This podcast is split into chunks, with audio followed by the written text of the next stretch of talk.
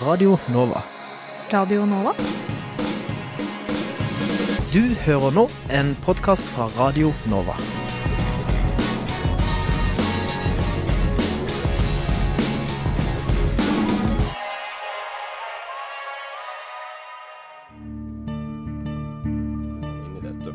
For det hovedspørsmålet det hadde vært siden eh, Noam Chomsky etablerte den greina lingvistikken som, som jeg befinner meg i. Vi håper jo på bredest mulig oppslutning om SV, og jeg tror at det eneste som kan få norsk løsner båndene mellom staten og kirka, og forhåpentligvis fører til tettere bånd mellom kirka og folk. Så hadde de gjort som andre fjøringsbevegelser i verden, hadde de helt legitimt kanskje tatt i våpen. Og, så direkte skildring av menneskeskjebner tror jeg ikke vi har sett i noen annen nyhetsdekning av noen annen terroraksjon. Det er såpass store forskjeller mellom den kalde krigen, hvor det var to supermakter som sto mot hverandre, eh, og den situasjonen vi har i dag. Du hører på samfunns- og aktualitetsmagasinet Opplysningen 99,3 på Radio Nova. Opplysningen 99,3 på Radio Nova. Myndighetene i Myanmar jobber intensivt for å bedre landets rykte utad. Men nylig har de begynt å arrestere studenter. Vi spør Amnesty International hva som foregår. Det har vært valg i Tyrkia. Mye usikkerhet er knytta til det tyrkiske regimets fremtid, og landet preges av splittelse og terrorangrep. Vi får en analyse i studio og direkte rapportering fra Istanbul. Demokratenes presidentkandidat Bernie Sanders mener USA burde bygge en velferdsstat på modell etter Norge. Det gir han trøbbel på hjemmebane. Vi har fått Hans Olav Lahlum til å forklare hvorfor. P-stasjon har en innvirkning på den enkelte nordmanns selvfølelse og identitet. og de har ikke råd til å betale eh, markedspriser for, for gassen. Akkurat nå hører du på Radio Novas samfunns- og aktualitetsmagasin, Opplysningen 99,3. Tyrkia preges av den voldelige konflikten mellom den kurdiske geriljagruppen PKK og tyrkiske myndigheter. I tillegg sliter landet med nedadgående økonomi og terrorangrep. På søndag ble det på nytt avholdt valg i Tyrkia etter at partiene ikke klarte å danne regjering etter valget 7.6 i år. Det største partiet etter søndagens valg er atter en gang det konservative rettferdighets- og utviklingspartiet AKP, med president Erdogan i spissen.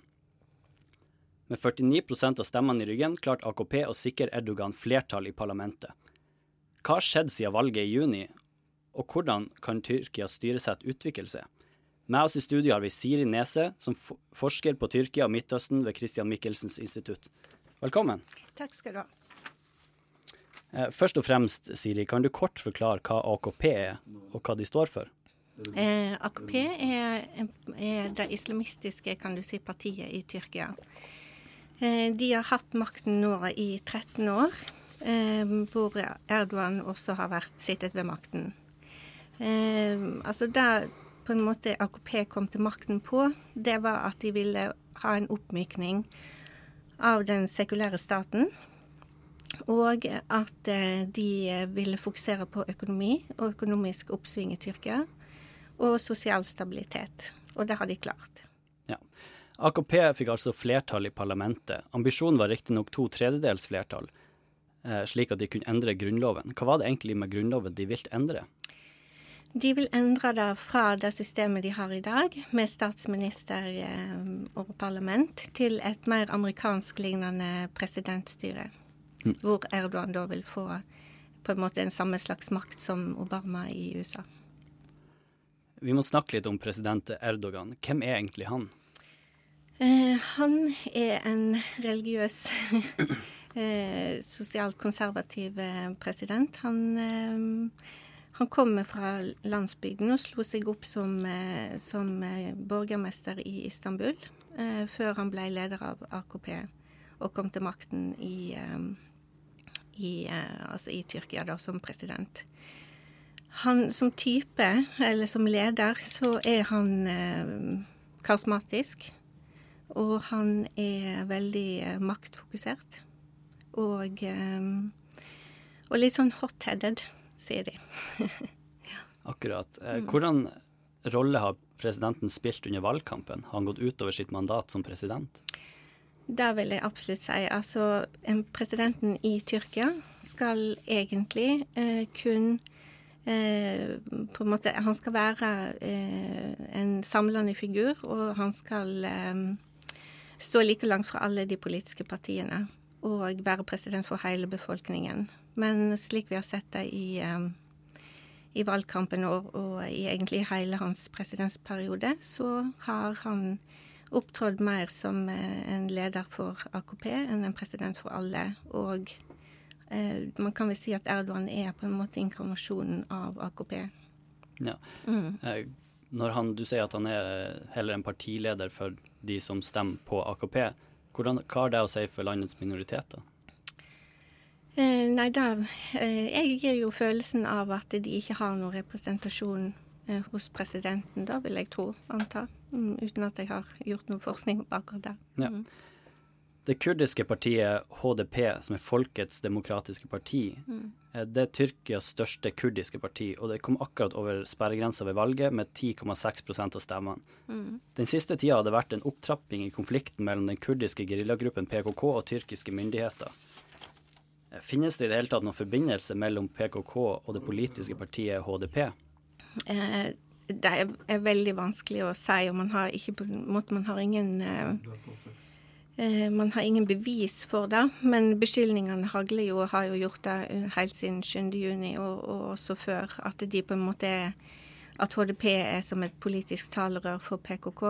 Um, men under valgkampen nå så har HDP oppfordra både AKP og PKK til å liksom ta, ta opp igjen forhandlingene. Og um, Nei, det er vanskelig å vite, rett og slett. Mm. Da får jeg beskjed om at vi har med oss eh, Adrian på telefon fra Istanbul. Kan du høre meg? Hei. Ja. Velkommen. Takk for det. Du, du er jo til stede i Istanbul. Kan du fortelle litt hvordan eh, de studentene, tyrkiske studentene du omgir deg med hver dag, reagerer på valget? Ja, Nå går jeg på et ganske progressivt universitet, så her er det veldig få som syns godt om Erdogan. Eh, det er De har hengt opp plakater her der det står eh, Sarai Savas eh, Istior. Altså at eh, Erdogan, flottet, har, har lyst på krig, men vi vil ha fred, sier de. Um, så her så er det litt sånn uh, ja, ikke så veldig fornøyd uh, studenter. da. Jeg har snakket med HDP-medlemmer uh, som er, sier de forventet dette her. Eh, at eh, Erdogan og AKP kom til å eh, vinne, sånn som de gjorde med store tall. Men så, samtidig så har jeg også snakket med en, en statsviter som sier at dette her er kjempeoverraskende. Så det er litt sånn blandede, blandede følelser. Men akkurat studentene de er misfornøyde. Men jeg regner med at studentene da er fornøyd med at eh, Erdogan ikke fikk to tredjedels flertall, slik at han kunne endre grunnloven? Ja, men det er en, en slags mager trøst. Fordi at øh, han, han har jo lyst til å gjenreise seg, liksom det ottomanske styret og bli en sultan. Og, eller de, de sier det, da. De kaller han for sultan Erdogan. Og så øh, får han ikke gjort det med, når han ikke har to tredjedels flertall. Men dette, dette styret som han har kjørt med innskrenking av informasjon, eh, han eh, fengsler journalister, opposisjonelle. I går møtte jeg en fyr som skal i retten på tirsdag fordi at han tvitret noe. Altså det er, eh, så, de ser, de har litt vanskeligheter med å se lys i enden av tunnelen på dette. her. at det, kan, det, det går mange år, sier de, før, før, før Tyrkia igjen vil være et reelt demokrati. Akkurat. Eh, Siri, Tyrkia er jo et Nato-land, som betyr at Norge faktisk er forplikta til å steppe inn om Tyrkia havner i en konflikt. Burde vi her hjemme være litt ekstra bekymra for hva Erdogan faktisk holder på med? Tenker du på i, i nærområdene, da, selvfølgelig? Jeg regner med? Ja. Ja. Mm. Eh, nei, eh, egentlig ikke. Jeg vil ikke være så veldig Han er jo på en måte bundet opp av realpolitikk, han òg, på et vis. Så jeg tror eh, Og det vil jo alltid være en diskusjon i Nato forut for et eventuelt eh, felles eh, operasjon, eller hva det måtte være. Men det man kan tenke på, det er jo det at AKP som et Nato-land hvis de blir på en måte veldig urolig og veldig ustabilt, og på en måte konflikten fra Syria på en måte velter inn i, i Tyrkia, så kan jo på en måte eh, den tyrkiske regjeringen vekke eh, Altså eh, spørre Nato om, eh, om beskyttelse og hjelp. Og sånn sett så kan jo Norge bli dratt inn i det. Men jeg ser ikke på det som umiddelbart realistisk. Nei. Det var gode nyheter. ja. Adrian, hvordan takler AKP oppos opposisjonelle ytringer? Kan du si noe om ytrings- og pressefriheten i Tyrkia nå? Ja, eh, jeg sa jo det at det er en fyr som skal i retten på tirsdag fordi at han tvitret eh, noe. Han er eh, med i sentralstyret til HDP, og så tvitret han eh, altså når, når Tyrkia dreper PKK-geriljasoldater, så skriver de alltid at de har eh, nøytralisert dem. Men når PKK dreper tyrkiske politimenn eller lignende, så er det at de er blitt drept. Så skulle denne eh, HDP-sentralstyremedlemmet da eh, ja, kritisere mediespråket med å si nøytralisert, så han skrev da tyrkisk eh, eh, politimenn ble nøytralisert. Og det, eh, så plutselig To dager etterpå så kom politiet på døren hans. ble han varetektsfengslet i eh, en måned, og så skal han nå i retten. Og Han tror jo det at dette her er bare pga. at han er med i HDP. Eh, og eh, de har jo benyttet seg av, av sånn terrorparagraf. Uh, fordi at han, det, det, det også legitimerer det PKK driver på med. Uh, sier, sier myndighetene på sin side og uh, aktor. Men reelt sett så tar de jo da de de ikke liker, og setter de i fengsel, og så gjemmer seg bak den paragrafen. Eh, Siri, Tyrkia har jo tradisjonelt hatt et tydelig skille mellom stat og religion. Men nå er AKP et eh, islamistisk eh, parti. Hvordan kan du si at islamistene er på fremmarsj i Tyrkia? Hva har det seg? Eh, altså For å si det sånn, hvis du tenker tilbake på sånn som det var under Atatürk, eh, så tok jo han den franske modellen og eh, gjorde den til den tyrkiske. Eh, Dette med sekularisme, som de, de eh, styret i, eller har som samfunnsmodell i, eh, i Frankrike. Det var en veldig hard sekularisme, og eksempel så fikk ikke noen kvinner gå med f.eks. med skaut eh, i gatene i offentligheten i Tyrkia. Eh, det Erdogan har gjort, er jo å gjøre dette, eller ha en oppmykning av denne harde sekularismen til en mer kanskje amerikansk stil, da. Hvor religion får sin mer naturlige plass i samfunnet. Så sånn sett så har jo Altså de fleste tyrkere jeg snakker med iallfall, de mener jo at dette har vært en bra utvikling. Og i og med gitt at eh, den store delen av populasjonen i Tyrkia er muslimsk. Men det har jo vært beskyldninger mot eh, Erdogan i de siste årene om at han har, han har beveget seg i en mer eh, se, mer religiøs retning, da. At han f.eks. tillater ganske eh, oppsiktsvekkende uttalelser fra religiøse autoriteter, f.eks. stå umotsagt. Eh, F.eks. at gravide kvinner ikke burde vise seg i, i gatene, er en av de. og, um, og at han uh, at han, uh, at han på en måte er mer religiøs i sin stil og bruker religion i retorikken sin. Og at dette her har virka uh, splittende i befolkningen. Mm. Adrian, hvordan merker du eh, det her på, på bakkenivå? skulle jeg til å si? Opplever du tyrkere som et spesielt religiøst folkeslag? Ja, egentlig litt sånn merkelig religiøs tilnærming de har. Den er, den er mer kulturell enn den er religiøs. Altså, eh, det er litt vanskelig å forklare, men de, de er, det er mange som definerer seg sjøl som, eh, som en muslim. Eh, men også eh, følger de liksom ikke altså De drikker alkohol, og de spiser eh, bacon på McDonald's, liksom. Så det, det er litt sånn rart. Men det, det som har skjedd eh, med, med Erdogan, er f.eks. at han har fyrt opp prisene på alkohol. At skattene på det har gått opp, og så er det da et sånt symbol han eh, sender, at eh, vi skal gjøre det vanskeligere å drikke. Han har f.eks. også hevet restriksjonene på hvor høyt moskeer kan spille prekenen sin. Eh, sånn at nå er det dødshøyt. Det er sånn, jeg vet ikke om dere kan høre det, men det er en preken som holder på her nå. Er, de synger borti moskeen. Men han har bare sagt spill så høyt dere vil. Kjempebra. Mer, mer islam i gatene. Eh, så det, også Nå bruker jo også førstedamen, altså konen til Erdogan, bruker eh, skaut, som da er ganske sterkt symbol. En førstedame vil jo være på en måte en rollemodell for kvinner i et land. Og når hun bruker det, så sender det et sterkt signal om at dette er sånn det skal være.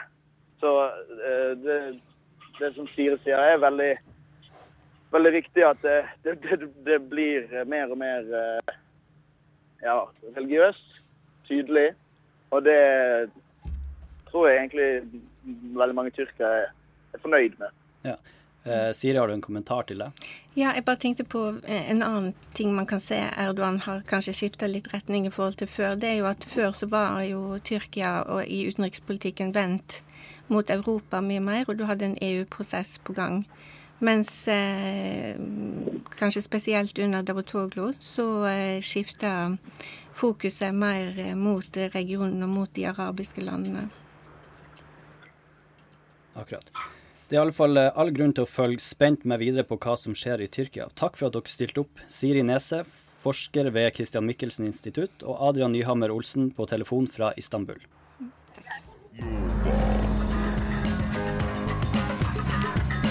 Akkurat nå hører du på en podkast fra Radio Nova. Pyo Pyo, generalsekretær i den bumesiske studentunionen, ble 10. mars i år arrestert sammen med 70 andre studenter, kun på bakgrunn av en demonstrasjon mot landets nye grunnlov, nei, utdanningslov. Samtidig skryter myndighetene om kapp for å fremme Myanmar som et nylig demokratisert land med pressefrihet, organisasjonsfrihet og ytringsfrihet. Vi i Opplysningen syns denne kombinasjonen skurrer litt, og har i den forbindelse invitert Amnesty i studio for å få en oppdatering om menneskerettighetssituasjonen i landet. Med oss i studio har vi Katinka Troy, aktivist i Amnesty Blindern, som jobber med aksjon for å få løslatt Fjofjo. Fjo. Velkommen. Takk, takk. Først og fremst, hvem er Fjofjo?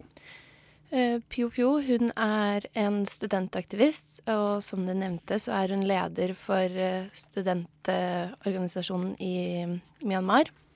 En av de største, av BFSU. Hun er nå en samvittighetsfange fordi hun ble fengslet etter at hun deltok og organiserte en demonstrasjon mot den nye utdanningsloven.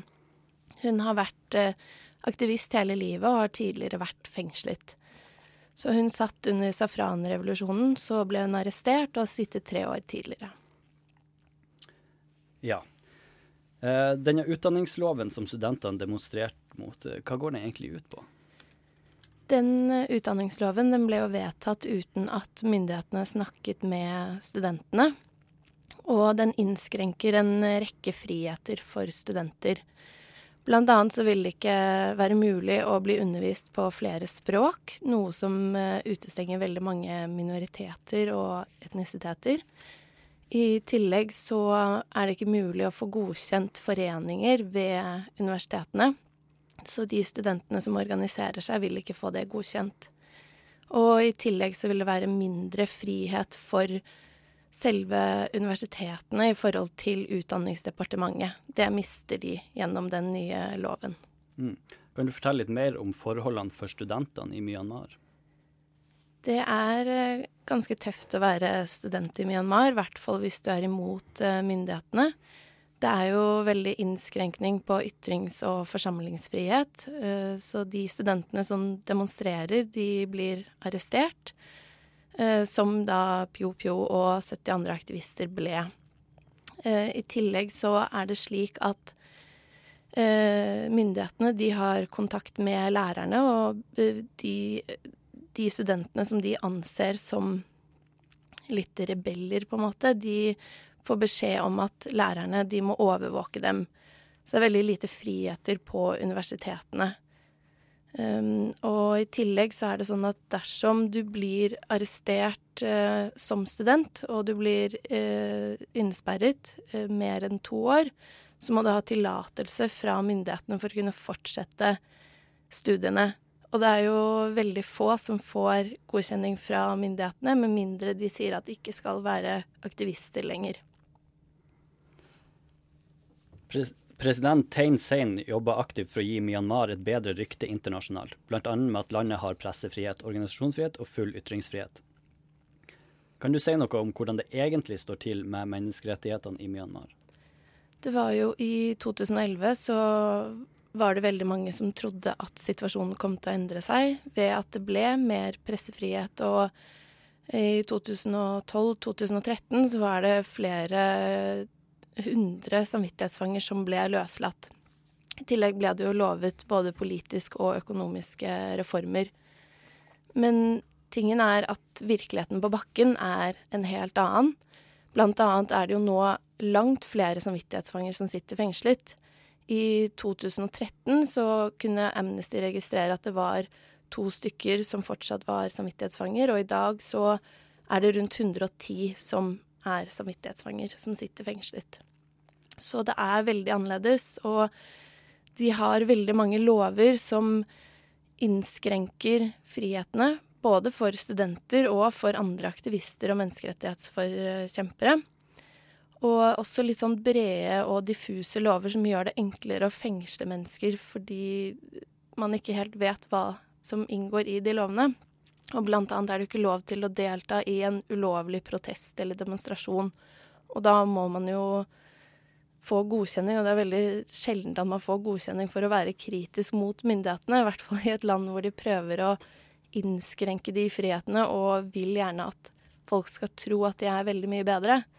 Så eh, vestlige land og andre, det internasjonale samfunnet, rett og slett, de har, eh, de har et ansvar på å kunne si mer ifra. Og når Thein Sein ble valgt inn, så var vi veldig raske med å gratulere Myanmar med at de var flinke og at de var beveget seg i riktig retning. Men nå har vi sjansen før valget, da, nå på søndag, til å si ifra at de må endre situasjonen, og de må respektere menneskerettighetene. Valget er jo et, et nøkkelord, fordi selv om landet skryter av å bli et demokrati, så vil 25% av alle setene i parlamentet fortsatt være den gamle eliten fra militæret. Men Amnesty Internationals studentkomité har nå satt denne saken på dagsorden med høy prioritet.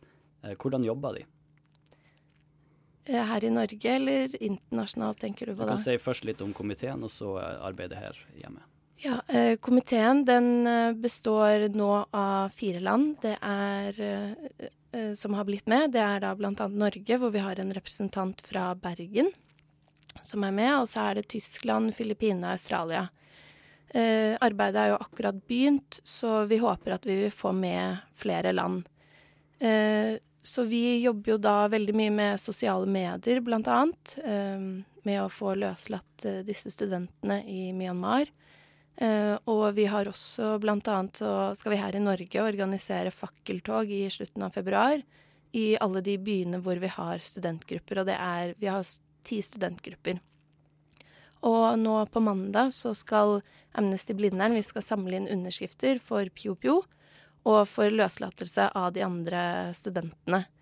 Uh, så da skal vi være på SV-fakultetet mellom 11 og 1 og samle inn underskrifter. Etter å ha hørt det du har å fortelle nå, har vi forhåpentligvis engasjert mange lyttere. Hva kan folk som ønsker å hjelpe, eh, gjøre? Det er veldig mye man kan gjøre. Man kan, vi har jo denne aksjonen på PioPio. Den ligger jo ute da på amnesty.no, og den kan man signere.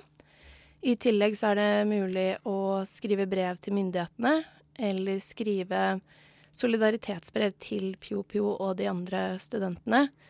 Nå skal vi lansere Da er det Amnesty og ikke studentgruppen, men Amnesty skal lansere nå på mandag eh, Skriv for liv, hvor Pjo Pjo da annet er en av de sakene som vi fokuserer på.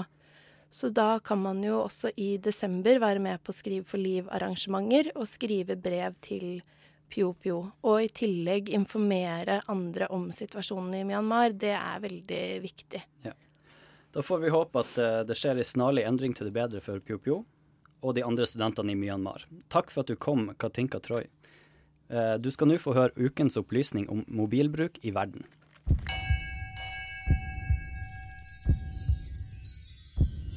Ukas opplysning.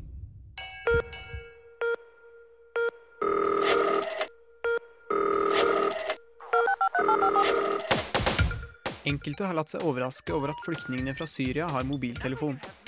Det er imidlertid liten grunn til overraskelse, viser statistikken. The Independent melder at det er 87 mobiltelefoner per 100 innbyggere i Syria, et land som havner midt på treet i verdenssammenheng når man ser på velstand og levekår. I Norge har vi, til sammenligning, 115 mobiltelefoner for hver 100 innbygger.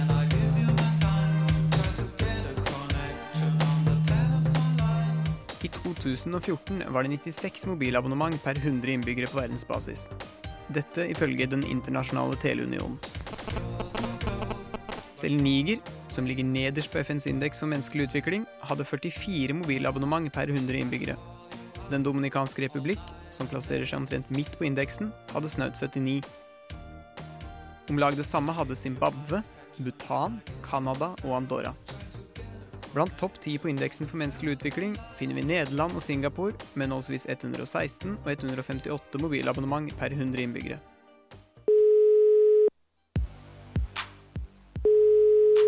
Mobiltelefonen er ikke bare ganske utbredt mange steder i verden. Den er også et viktig og vanlig hjelpemiddel for kommunikasjon og navigasjon blant flyktninger, uansett hvor de kommer fra eller hvor de skal.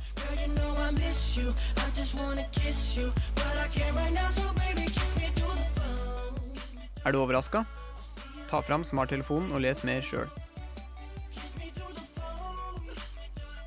Nå skal vi få et tilbakeblikk på debatten om amerikansk våpenlovgivning som ble tatt opp 16.10, ei uke etter skoleskytingen i Oregon, der ti personer ble drept. En feriestasjon har en innvirkning på den enkelte nordmanns selvfølelse og identitet. De sliter, og de har ikke råd til å betale eh, markedspriser for, for gassen. Akkurat nå hører du på Radio Novas samfunns- og aktualitetsmagasin, Opplysningen 99,3.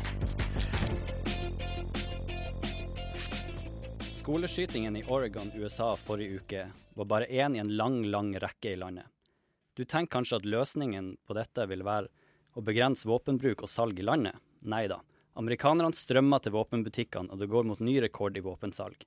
Vi europeere har ofte litt problemer med å forstå den amerikanske tenkemåten, så derfor spør vi i Opplysningen samvittighetsfullt. Hvordan ser egentlig amerikanere verden? Hva er amerikansk mentalitet? Og til å svare på dette, hvem er vel bedre enn to konservative herrer som kjenner USA godt? Siden en av våre gjester er amerikaner sjøl, vil intervjuet foregå på engelsk fra og med nå. Welcome, Jan Arild Snoen, journalist and commentator for the conservative journal Minerva, self-proclaimed uh, liberalist and president of the Monticello Society, an organization for U.S. enthusiasts, and Austin Rasmussen, the communications officer of Republicans Abroad Norway. Austin, you're an American who just moved to Norway. As a conservative American, do you often feel that Norwegians don't understand political thinking and your values as a Republican? Well, I think there's a, a, vast difference, of course, between Norwegian politics and United States politics in the way that uh, how we view guns and firearms. Uh, so, in that way, yeah, I, I, would say there's a lack of understanding, particularly for the Second Amendment within the United States Constitution. Snoen, as a Norwegian with a lot of insights in American views, what do you think we are missing? Do we Europeans and especially Scandinavians have a condescending view on American politics? I believe that we sometimes exaggerate the differences and also uh, take some extremes in America and see them as typical of America. Um, in general, I think um, Americans believe that that uh, Europe is less market orientated and more government uh, uh, orientated than it really is. And on the other side, Europeans see um, America as less of a welfare state than it, it really is. So we tend to, to exaggerate the um, differences, although there are differences. Yeah. Uh, since Obama took office in January 2009, he has held 12 speeches about gun violence in schools after mass shootings. He said himself in his last speech that this has become a routine during his presidency, and that he has tried to change gun laws, but your party, Austin, the Republicans, stand in the way of getting majority in Congress. Why is that? Well, it's, it's a logical fallacy. I think uh, it's a logical fallacy to stay to state that with more guns there's going to be more violence. Um, that's been categorically disproven. You can look at the United States, for example. Um, as of last year, they've had more firearms than there are people in the country. Uh, but we're not even in the top 100 of countries when it comes to homicide rates. Now, we're also burdened with taking cities like Detroit, all, number one at number one, all the way down to Chicago at number 10, that have the highest homicide rates in the country. But these are also the cities that have the strictest gun control laws as well. Uh, if you take that to the very bottom of the list, for example, Plano, Texas, lowest one of the lowest crime rates in the country, or the lowest crime rate in the country, and also one of the most armed cities in the country as well. But then you can even translate that into European terms. Switzerland, in the top five most armed countries in the world per capita, um, they are at the bottom of the list when it comes to crime rate. But if you look at Detroit, for example, again, number one in the country, strictest gun control laws, gun bans in effect. When you look at it in, in the terms of that, if Detroit were to be registered as its own nation, it would be number two in the world for gun violence. Uh, Washington, D.C., another example. When Washington, D.C. implemented strict gun ban and gun control laws back in 1976, in a 20 year period of time up to 1996, homicide rates and gun crime increased over 130%, while the rest of the country decreased. Uh, Donald Trump said after last week's shooting that the problem would have been solved if only the teacher have had guns. Is really more guns the solution? And do you agree with Donald Trump on this? Uh, I think he's he's sticking to the principle of the narrative rather than saying armed teachers. What we have we have a law in the United States that classifies schools as gun-free zones. So when someone wants to go and commit this sort of crime, commit this sort of horrific uh, uh, tragedy, of course they're going to go where they know they're not going to be fought back. You know, when police officers have to disarm themselves, when, when people who are trained to carry a weapon, concealed carry license, have to disarm themselves, there's no one there to fight back in that situation. I mean, we can look at that even here in Norway with Anders Behring Breivik going to an island full of children. There was no armed police officers there, no armed security, but if there was someone there, probably could have saved a lot of lives.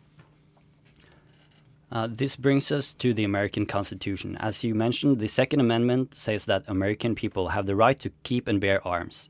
This is often served as an argument on why gun laws shouldn't be changed. But is this really an argument? Why are the American people in such disfavor of changing the Constitution, even if it can be the root cause of the problem? If you start pulling apart at the Bill of Rights or any part of the Constitution, that opens the door for anything to be changed. I mean, for anyone to say the Second Amendment isn't relevant today because, uh, for example, one of the ta- common talking points on the on the left side is to say that uh, guns back, firearms back then were muskets. Well, even then, muskets were military grade weapons, and that's what the government had. That's what the citizens have today. To limit the people and try to pull apart the Second Amendment, uh, it's like saying that uh, the First Amendment only applied to parchment and fountain pens instead of using the internet for the same reason. Okay, Snoen, can we as Norwegians ever understand the American view on the Constitution? I think it's difficult because um, the United States is, as a political entity, is more or less created around this constitution, the founding fathers and the history. Whereas Europe, we have a long history evolving over a longer time.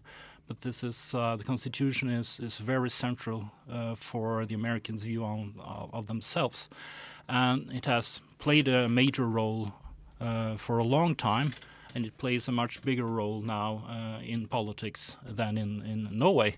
Uh, so it's difficult for us with a different uh, tradition where Supreme Court is much less important uh, and the Constitution is much, much less important to understand this. I have one uh, comment on the previous topic about guns because there are two reasons I believe that gun laws are not changed very much in the United States. The one is this constitutional right to bear arms, but I I don't think that's that would be enough if it could be proven that um, restrictions really works. And we heard some examples that it it's not obvious that it really works. So the pragmatic arguments uh, are in on top of the principal arg- arguments. And together, uh, they make a rather strong case in the American people, also among many Democrats, not to change the laws very much. Uh, Austin, a hypothetical thought. If nobody in the US had guns, uh, how would the, the society be different? Well, first of all, the United States wouldn't exist because without guns, we wouldn't have won our independence from the United Kingdom. So, the the question there, even in a hypothetical situation, if no one had guns in the United States, well, the United States wouldn't exist in the first place. Yeah, well, not necessarily historical, but if from tomorrow uh, all guns were banned, how would that change your society? Well, is that including the government as well? Military wouldn't have guns, government wouldn't have guns, or just the citizenry? Just the citizenry. Well, again, this is what the forefathers, uh, the founding fathers, had anticipated when they created the Second Amendment. When you disarm a citizenry, um, in the 20th century alone, in the 20th century alone, the number one cause for unnatural death was government. Um, you can you can take that from Soviet Russia or Soviet Union, excuse me, uh, murdering over 60 million people. Mao in, in the communist uh, China killing over 70 million people. And you can take that to Cambodia, Yugoslavia, Japan, Vietnam. The number one cause of unnatural death was government. So when you disarm a citizenry, you take away their first line of defense against the opportunism of tyranny, tyranny from a government body. So if guns were taken away from all Americans tomorrow, well, uh, if, as an American, I'd be quite frightened of the potential.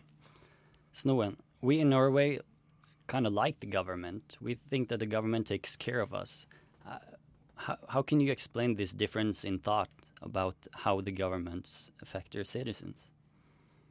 Well, it probably has something to do with the origin and the history of the United States, uh, created in opposition to a government, uh, the British government, uh, by the citizenry uh, of the United States, and um, and also that this people, if we exclude the slaves, which is a different issue or part of the issue, uh, Americans are there because they want to be there. They have chosen to go to this place, and uh, has always had this belief that they can make it there on their own, uh, and that government plays a, a small role.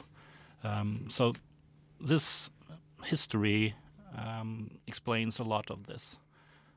But on the other hand, um, government in the United States is not minimal.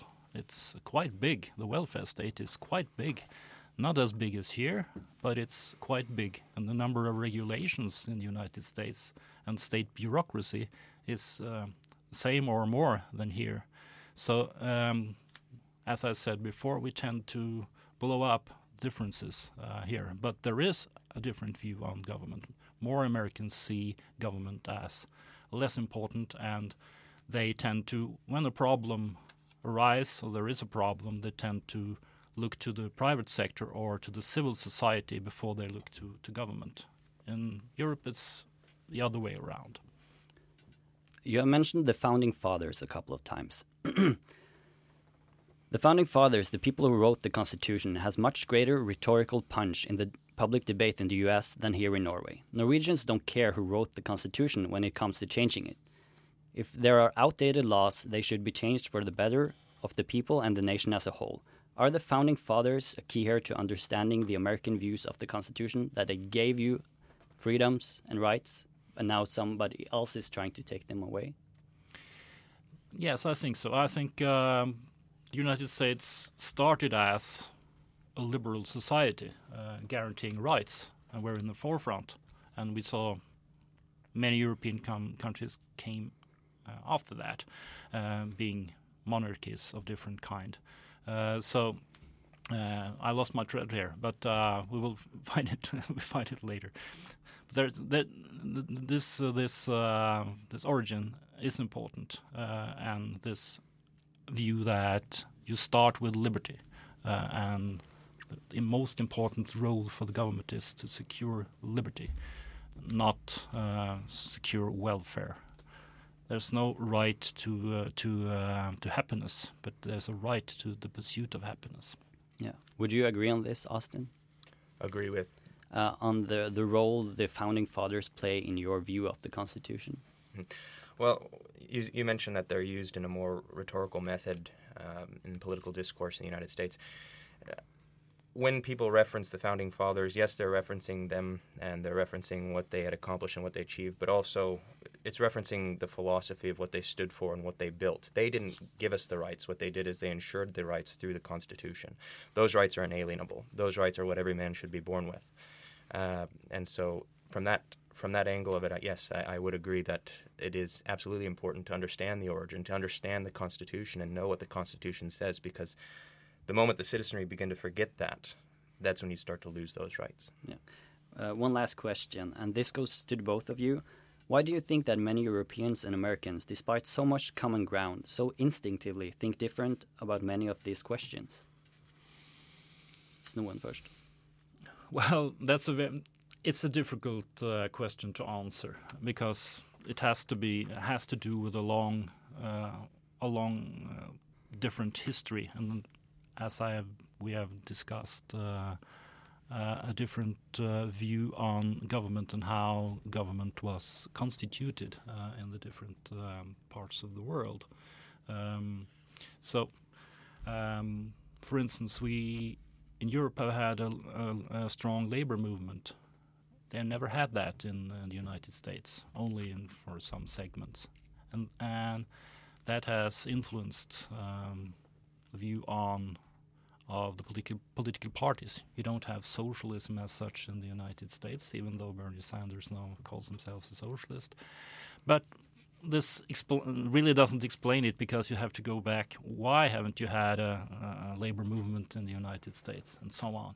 And then we come back to the people coming here um, to make it on their own. Uh, the frontier society when they have they get uh, they get land and they build their own uh, business or, or, their own lives with less room for for government. And this it takes a long time to to um, to change views like this. But as I said, there are. I think that America and Europe is is closer now than it was say 100 years ago, and that the welfare state, if Bernie Sanders should win, or even Hillary Clinton, uh, America will move closer to the European view on the state. Yeah.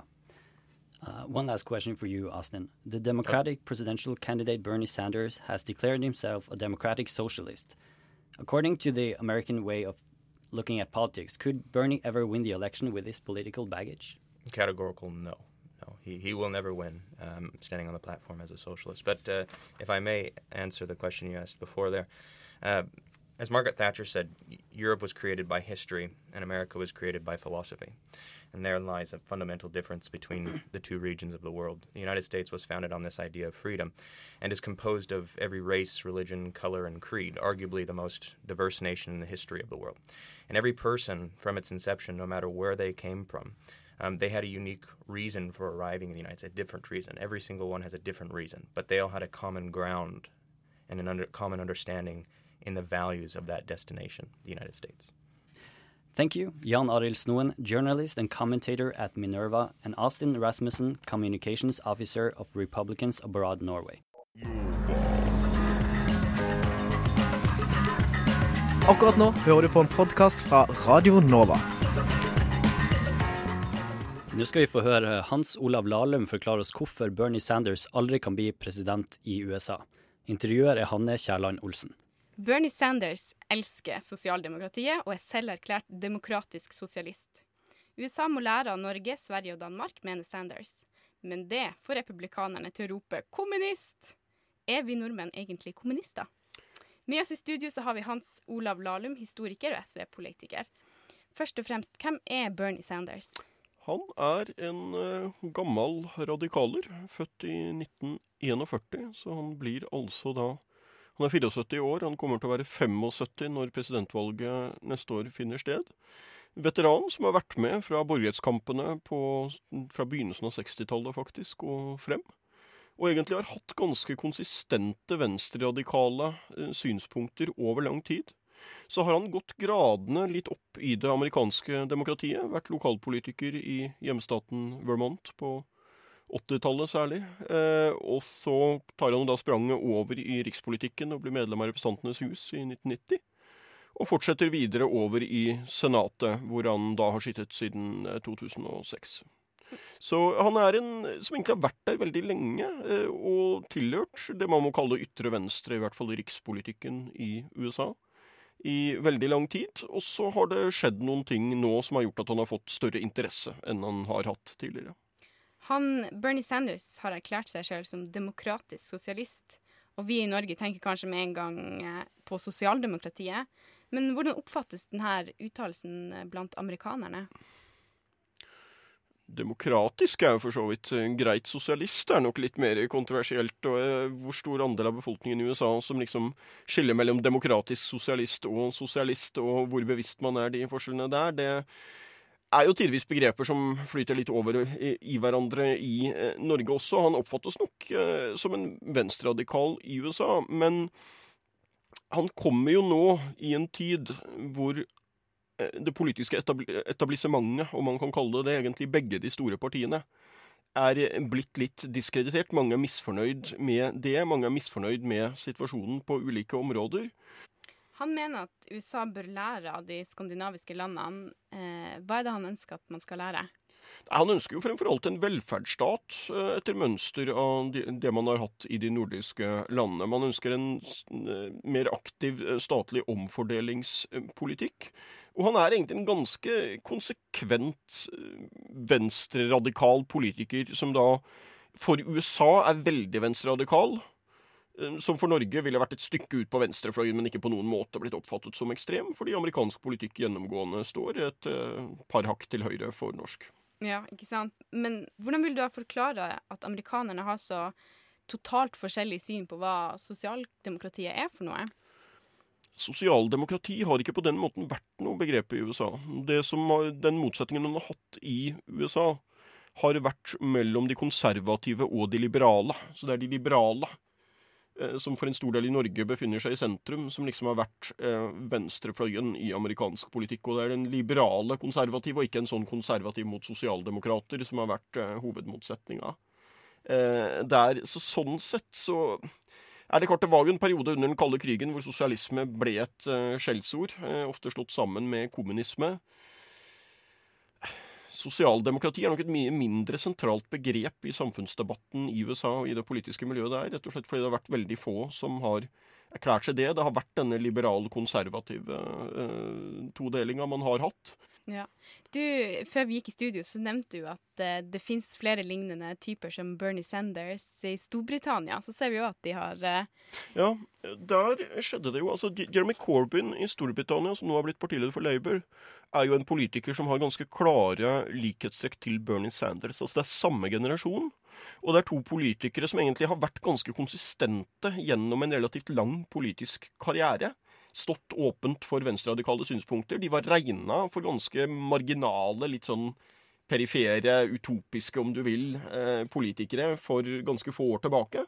Så har de fått en oppblomstring nå pga. en del utvikling i innenrikspolitikken. og dette henger jo en del sammen med spørsmål om forskjeller osv. Eh, det er typisk at Corbyn kommer frem i en periode hvor mange oppfatter at de Eh, sosiale forskjellene i Storbritannia har økt, at det er veldig store problemer med økonomien osv. Og, så og så kommer jo han da frem og ble partileder i en situasjon hvor etablissementet i eget parti på veldig mange måter hadde spilt fallitt og tapt et valg, og hvor de konservative sitter med en trygg posisjon for de neste fem årene.